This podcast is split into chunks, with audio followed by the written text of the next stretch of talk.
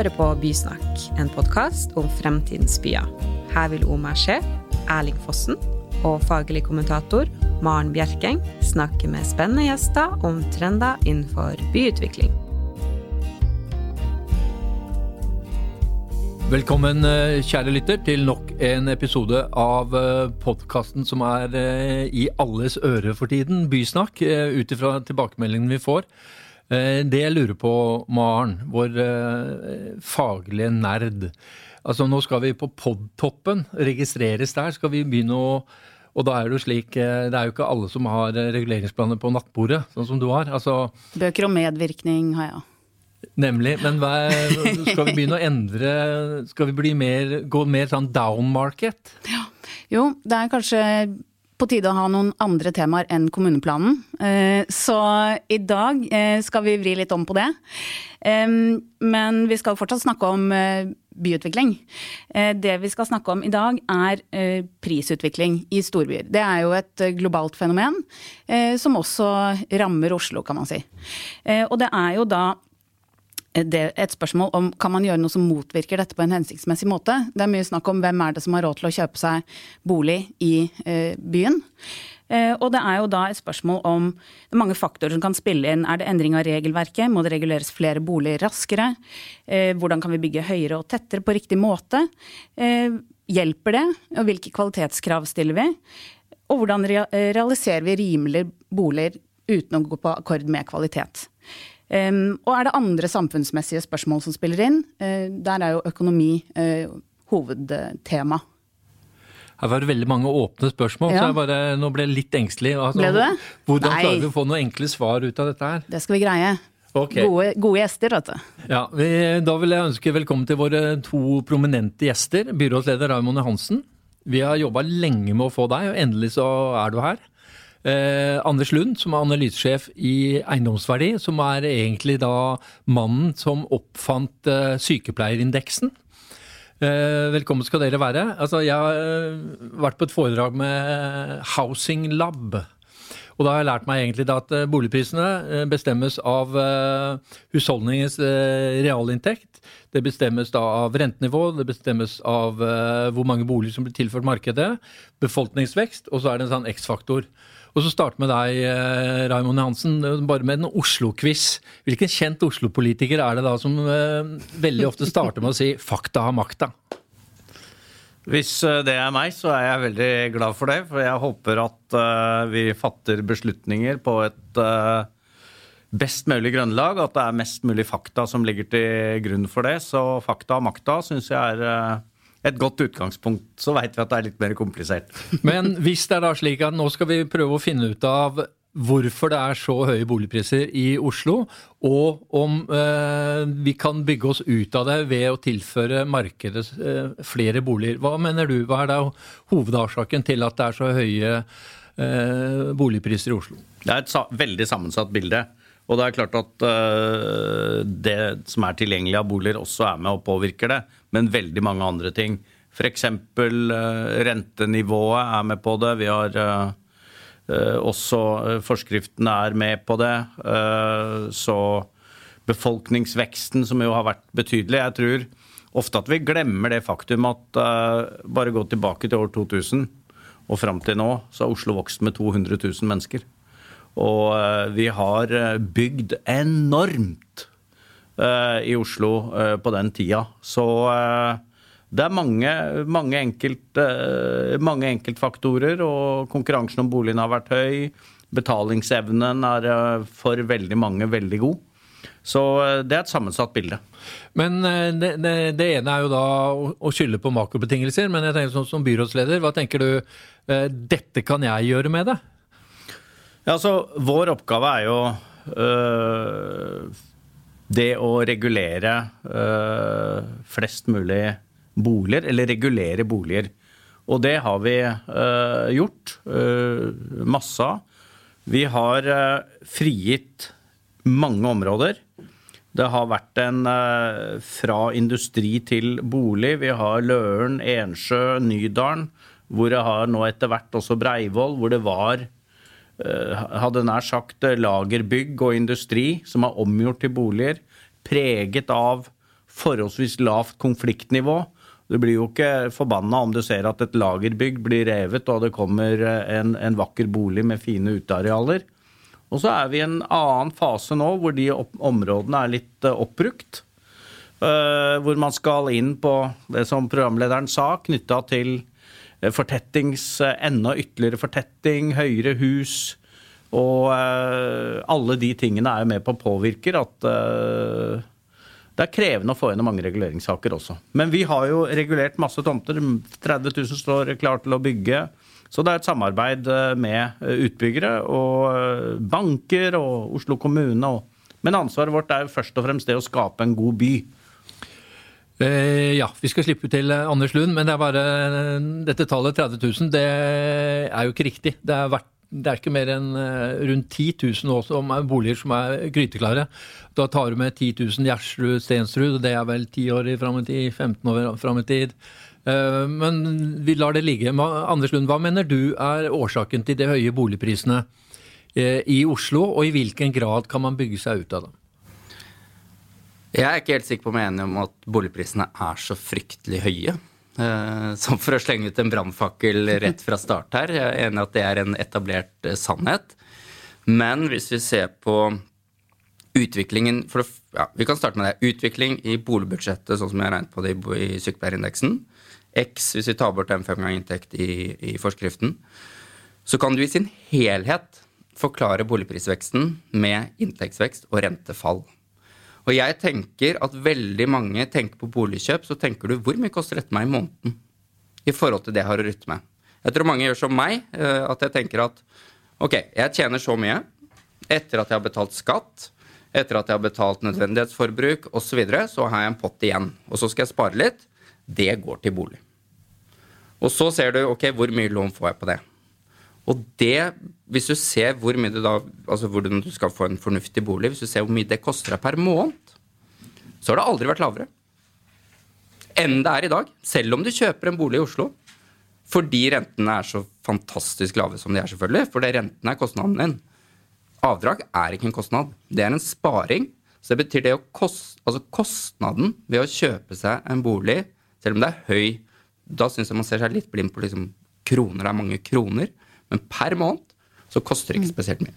Men jeg syns jo også at et interessant eh, tema der, eh, som er stort overordnet, når man snakker om sykepleierindeksen, da handler det jo også om ikke bare boligprisene, men utjevning i samfunnet ellers. Eh, altså hvorfor er lønningene for sykepleiere så lave? Da, ikke sant? Det jo, ja, og det, det, er jo et større spørsmål. de er ikke lave. Om, Nei, men de er jo la, så lave at man ikke kan få kjøpt seg På grunn av fem inntekt. Ja. Fram ja. til den ble innført, mm. så var de høye nok. Ja. Og så bare et lite tilleggspoeng på, på, på, dette med, med, priser. Prisene på Oslo kontra resten av landet fra 2003 til og med 2015 så gikk det helt likt. Ingen forskjell. Er det sånn at vi nå plutselig har kommet i en, i en Og bare sånn for dette med bygging og behov syns jeg er kjempevanskelig. Hvis du ser liksom på hvor mye som har blitt bygget i forhold til hvor mye som har blitt flyttet inn i landet, så er det egentlig perioden, kall det 2010 til og med 2014 eller noe i den duren, hvor det gapet har vært stort. Hvor det var veldig stor innflytning kontra den boligproduksjonen som vi hadde, fordi det var lav boligproduksjon etter finanskrisen. For det tar litt tid med reguleringer osv. Etter 2016 så, bygget, så har det blitt bygd ganske bra med boliger også i forhold til behovet, men prisene har fortsatt å stige. Da må man også se på man må også kunne se på andre forklaringsfaktorer her enn mm. en bare den, den, å sammenstille behov mot bygging.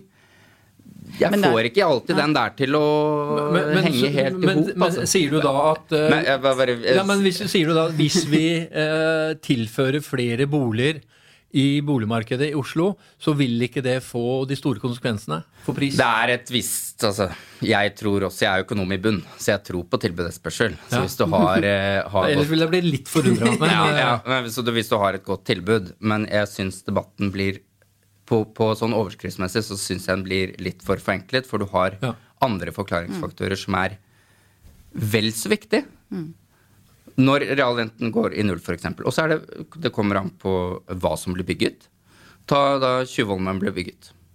Da får du et helt Aker Brygge, egentlig, ved siden av Aker Brygge. Da skulle du tro at ja, tilbudet på Aker Brygge det har nå, nå har de fått kjempekonkurranse. burde prisene på Aker Brygge falle. Skjedde det? Nei, det skjedde ikke. Prisene på Aker Brygge steg mer enn en resten av Oslo fordi du har fått byutvikling i det området. Du har bygget, tilført masse boliger som er samme kvalitet, egentlig bedre kvalitet enn det som var på Aker Brygge. ikke sant? Mm. Eh, Raymond Hansen, eh, du, du, sa noe om eh, Nå er det blitt vanskeligere å tilføre Oslo større områder. og det, jeg, vil jo si at det var et vannskille i 2015, når den nye kommuneplanen kom. Eh, og da skulle man for første gang fortette et eksisterende boligområde, Nedre Grefsen. De forsto ikke at Storo var Nedre Grefsen. Men, eh, og da ble det jo befolkningsopprør. Eh, og det har du hatt flere steder. Eh, Smestad, Montebello, Slemdal. altså Gir ikke det en form for signal om at det er blitt mye vanskeligere å tilføre da boligmarkedet Oslo mange boliger av gangen? Jo, veldig. Et godt poeng. Vi demokratiserte jo prosessen og gjorde folk oppmerksom på kommuneplanen. Vi sendte ut en SMS til alle. Det hadde ikke en kjeft visst tidligere. Så blei de forbanna og så hva som ville skje. Så det var jo da det kom et eh, opprør, når man så at hva? Skal vi fortette her? Det var virkelig et sjokk. Og så snudde jo de andre partiene også, som hadde jo gått for en enda mer aktiv fortettingspolitikk, snudde jo da på bakgrunn av det presset som kom. Mm. Og det skjedde vel Det starta vel i et sånt uh, kirkeblad på uh, oppe på Nedre Grefsen, som da uh, vi brukte, og det spredde det, og så blei det en veldig sterk opinion. Og det er jo bra, men dette er jo litt av problemet med fortettingspolitikk i en by. For det er mange som flytter inn, ønsker å være de siste som flytter inn og er med i aksjonskomiteer mot fortetting mm. dagen etter. Mm. Det er jo det man sliter med. Jeg snakker med mine kolleger i Stockholm, København og andre, andre steder, så er jo fortettingspolitikk ekstremt krevende. Mm. Fordi at uh, man stiller jo så mange andre krav. Man ønsker å ha friarealer ute uh, og uh, lett adkomst til veldig mange ting. Men det er kontroversielt, og det er egentlig bra. Men det er jo den demokratiske prosessen som bidrar sterkt i det. Men det legger, jo, det legger, jo også, bare for å følge opp der, eh, det legger jo også eh, et eh, Eller det er en forpliktelse for, for å snakke fra utviklersiden, ja. da, på å tilføre gode kvaliteter. Fordi vi mangler jo litt gode eksempler i Oslo på at tett og høyt, særlig høyt, da, gir gode kvaliteter. Og der blir det jo også det å se på Vi ser jo det at det blir mer komplekst. Man skal fortette i en eksisterende situasjon, man skal bevare flere bygg, men vi skal fortette samtidig. Så det er jo en, en, spennende, men krevende øvelse å få til de, de gode kvalitetene. Uh, og det er jo del av den demokratiske ja, og nå prosessen. Kommer vi, uh, godt, nå kommer vi jo med en småhusplan og høyhusstrategi samtidig. Mm. Og det er klart at Du må ha politisk aksept for en fortetting. og Jeg tror veldig mange oppfatter at det har vært en stor fortetting. Drar du på Høybråten, drar du på deler av Nordstrand, drar du eh, på deler av Grefsen i dag, så ser du at det har vært en kraftig fortetting. Mm. Det ser jo folk. og Eh, man da må ta hensyn til andre ting som biologisk mangfold osv. hvis man bygger ned det. Og så kommer vi da, og jeg tror at vi bør gå i retning av at vi skal bygge høyere. Mm. Uh, hvis du ikke greier i bredden, så må du greie høyden, og jeg tror det er, kan bli attraktivt og fint. Og så er det å finne høyhus som ivaretar lysbehov, mm. lekeplasser, alt det som tilhører å bygge en by. Så vi står ved et skille, og det håper jeg når vi mm. får høyhusstrategien ut på høring til i januar neste år så regner jeg med det blir en veldig veldig god debatt, og jeg er tilhenger av å bygge høyere. Men må bare ta to ting til det du har sagt, før vi slipper til uh, eiendomsverdien. Det ene er uh, Indikerte du at medvirkning er noe herk? Uh, og, to, når du da får de kvartalsvise uh, befolkningsendringene fra Statistisk sentralbyrå, og du da i koronaåret hadde et kvartal hvert fall, hvor det ble færre innbyggere, tenkte du bare yes, nå slipper vi maset fra utviklerne? Nei, altså nei. Og vi kan ikke lene oss tilbake og si at vi tror at vi får en fraflytting i Oslo og så ikke planlegge for en fortsatt vekst. Vi ser jo at innvandring til Norge og innvandring til Oslo det har avtatt, og det har gjort, hatt betydning for eh, befolkningsutviklingen her. Men Oslo er attraktivt. Anders og jeg prata om det ute. Mange vil bo her. Det er et massivt med tilbud på et uh, variert arbeidsliv, kulturtilbud, effektiv kollektivtrafikk i nærheten av både sjø og skog. Så mange vil ønske å komme til hovedstaden, så vi kan ikke lene oss tilbake og tro at vi ikke fortsatt skal ha en vekst. Vi skal ha en vekst, den skal planlegges for, og det er bra med medvirkning. Men det, det, ikke men, det bidrar til at det tar tid. Og så må folk som da velger å bo i en by, eh, ta høyde for at også andre vil bo i en by. Anders? Helt enig i den. Assisterende programleder, takk skal du ha. Jeg er på bortebane på hva som er For dette jobber jeg ikke med i det hele tatt. Jeg jobber med data om bolig. Men øh, jeg hører øh, høybygg. Men så har jeg sett noen innlegg, og da er egentlig spørsmål til dere som er eksperter. Jeg har sett noen innlegg i Aftenposten av noen arkitekter som argumenterer for at man behøver ikke bygge høyt for å bygge tett. Eh, Kvadratur er ekstremt eh, tett, så han arkitekten mm. husker jeg ikke navnet på han, eh, som argumenterte for at det er ekstremt tett eh, og effektiv måte å bygge på. Rekkehus, som man har pekt på noen områder i Tokyo som var eh, ekstremt tett og mer effektivt egentlig enn høybygg.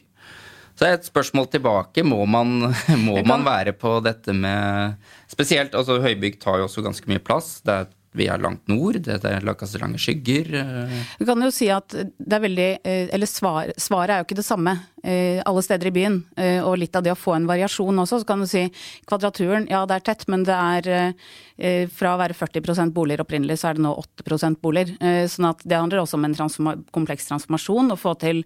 eh, Og så er det jo da for, for å ta kvadraturen, da. Nå tenkte jeg kvadra- Nei, nei. kvadraturen i Oslo. Nå tenkte jeg liksom kvadra, Ellers, altså kvadraturen i en Men- bybygging, sånn som man bygde byer eh, med Ja, Kvartalsbebyggelse. Kvartalsbebyggelse. Takk, takk, kvartalsbebyggelse. Det er nå vi skal ha Thomas T. Stevensen her. Eh, Men poenget er Karébebyggelse, som vi sier ekspert. poenget, Ja, ja, takk, poenget- beklager. Det var eh, Jeg hopper rett på kvadraturen, for det er også noe jeg er veldig opptatt av. Men, Ja. eh, men jeg tenker at her er det jo eh, flere svar på å løse dette. Ikke sant? Og jeg var litt inne på det i stad. Mer skal bevares. Hvis vi da skal få tilføre flere boliger i bykjernen, så er jo ikke svaret å rive det som er der, men det er kanskje å bygge i høyden noe, noen steder.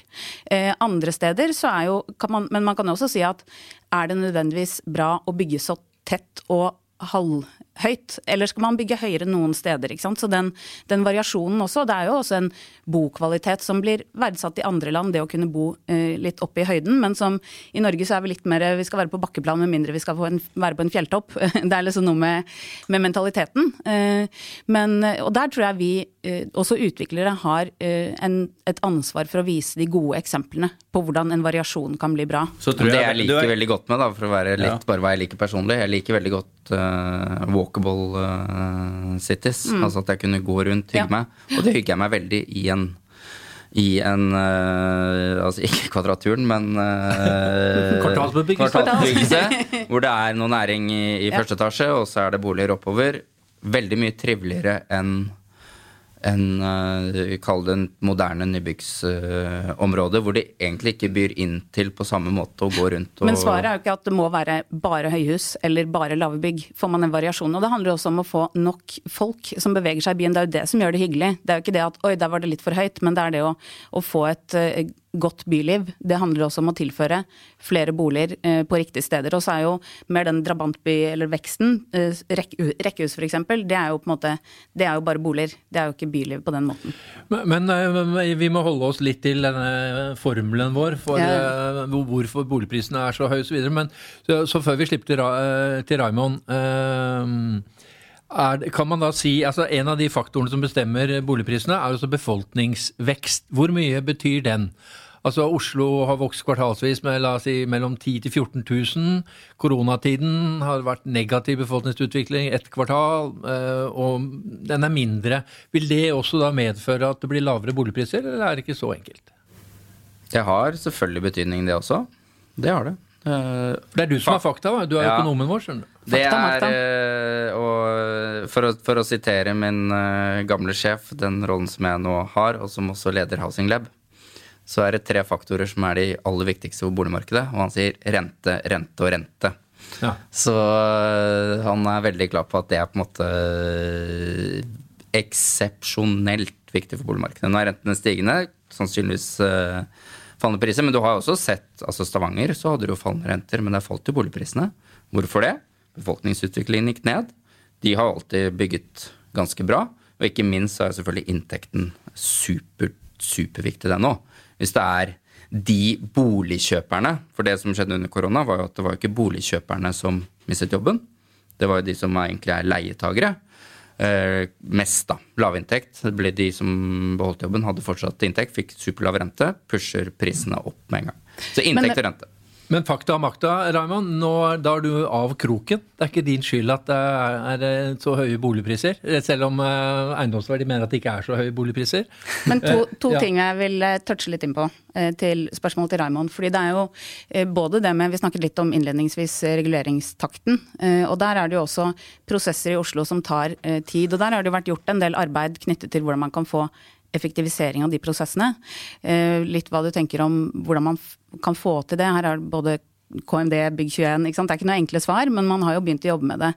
Eh, I tillegg, eh, nå tar jeg en litt sånn Runar, jeg kommer med et innspill på slutten. Jeg vil gå inn for landing, Boligbygg. for vi er slutt, og så tar du over rollen som programleder. Tar over? Du tar over? Ja. ja. Er ikke det greit? Da er jeg satt Kom igjen. Ja, ja. Men eh, vi, et tema vi ikke har snakket om, det er jo Oslo-bolig. Det er jo en, en, viktig ting som dere har satt i gang nå eh, for å, å, gjøre noe med dette. Mm. Ja, eh, vi ser at veldig mange av de som eh, er henvist til leiemarkedet, for så vidt kunne hatt mulighet til å kjøpe en bolig, men de har ikke tilstrekkelig med egenkapital, noe jeg vet at Anders også er veldig opptatt av, som utelukker dem fra, fra boligmarkedet. Nå har vi gått sammen med, med Obos og DNB og Bane Nor Eiendom Eh, for å etablere Oslo-bolig. Og da er det at vi skal eh, kjøpe opp et visst antall som da skal være tilgjengelig for de under, som har en inntekt for uh, under 700 000, som vi vet på en måte har egentlig råd til å komme inn på boligmarkedet. Og så skal vi hjelpe dem inn, så greier de seg sjøl. Og det er et ganske høyt antall. Vi skal ha 1000 boliger boenheter eh, tilgjengelig i markedet i løpet av fem år. Så mange sier at det er veldig lite. Det er i hvert fall en god start. Og håper at det kan være med på å gjøre det lettere også for, eh, for sykepleiere og brannkonstabler og lærere og alle til også kunne etablere seg. Vi ser på flere, flere virkemidler. Men det er, jo, det er jo krevende, for dette er jo et marked. Og det er jo sånn at folk, Den eneste tidspunktet folk syns at de skal leiligheten og huset er billig, er når de kjøper. Hver, hver, eneste måned etter så ser de og ringer til Nå har verdien på leiligheten min økt. Nå er den verdt to millioner mer enn jeg kjøpte den. Nå ringer vi banken for å få redusert rentene.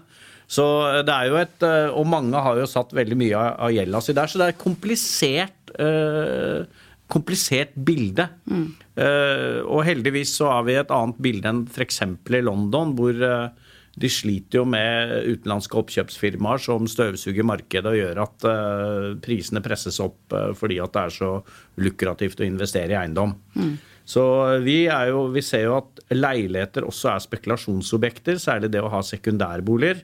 Så kan noen si at vel, det er bra at vi har et leiemarked tilgjengelig for mange som mm. ikke ønsker å kjøpe.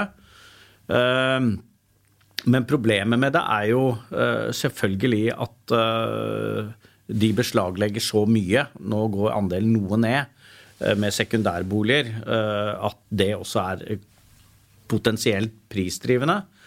Fordi man ønsker folk på min alder å investere i pensjonen sin ved å kjøpe opp en ekstra leilighet. er noe av det beste du kan gjøre. Mm. Så det er et stort bilde. Vi er avhengig av tett samarbeid med, med staten, selvfølgelig. Både Husbanken og rentenivået, som Anders har vært eh, inne på, har jo selvfølgelig stor betydning. Det er jo hvor mye penger du bruker i måneden på, på mat og på fritid og på unga dine og på bolig. Det er jo den samla summen av det som betyr noe. Og så er det jo helt sikkert sånn at eh, andelen du bruker på bolig, har nok ikke steget så mye pga. et lavt rentenivå hvis eh, rentenivået nå stiger, som de har Men Nå må du gå inn for landing. Ja, jeg uh, Han tar oppsummeringen. Vi har byttet litt på rollene. Ja, men du, du, har jo egentlig bare sagt at det er komplisert. Det er vi enige om. Jeg bare håper at alle dere som har hørt på, syns det nå er mindre komplisert. At dere forstår egentlig alle komponentene som bestemmer da Eh, prisen på leiligheten deres, og at eh, dere som da er utenfor Oslo tenker at eh, jeg skal inn i Oslo-markedet, koste hva det koste vil. Velkommen skal du være. Takk til deg, Raymond Hansen. Takk til deg, Anders Lund. Eiendomsverdi. Maren, vi går videre. Neste tema blir kanskje blir det enda mer spennende. Blir kanskje litt mer forståelig. Kanskje. Hands on. Kanskje. Det er morsomt med kompliserte temaer da, Erling. Den som lever får Jeg liker det. Desto mer du kan om et emne, desto vanskeligere blir det. Ja, det sa Einstein òg. Eh, takk for at dere kom. Takk for at du hørte på. Takk for i dag.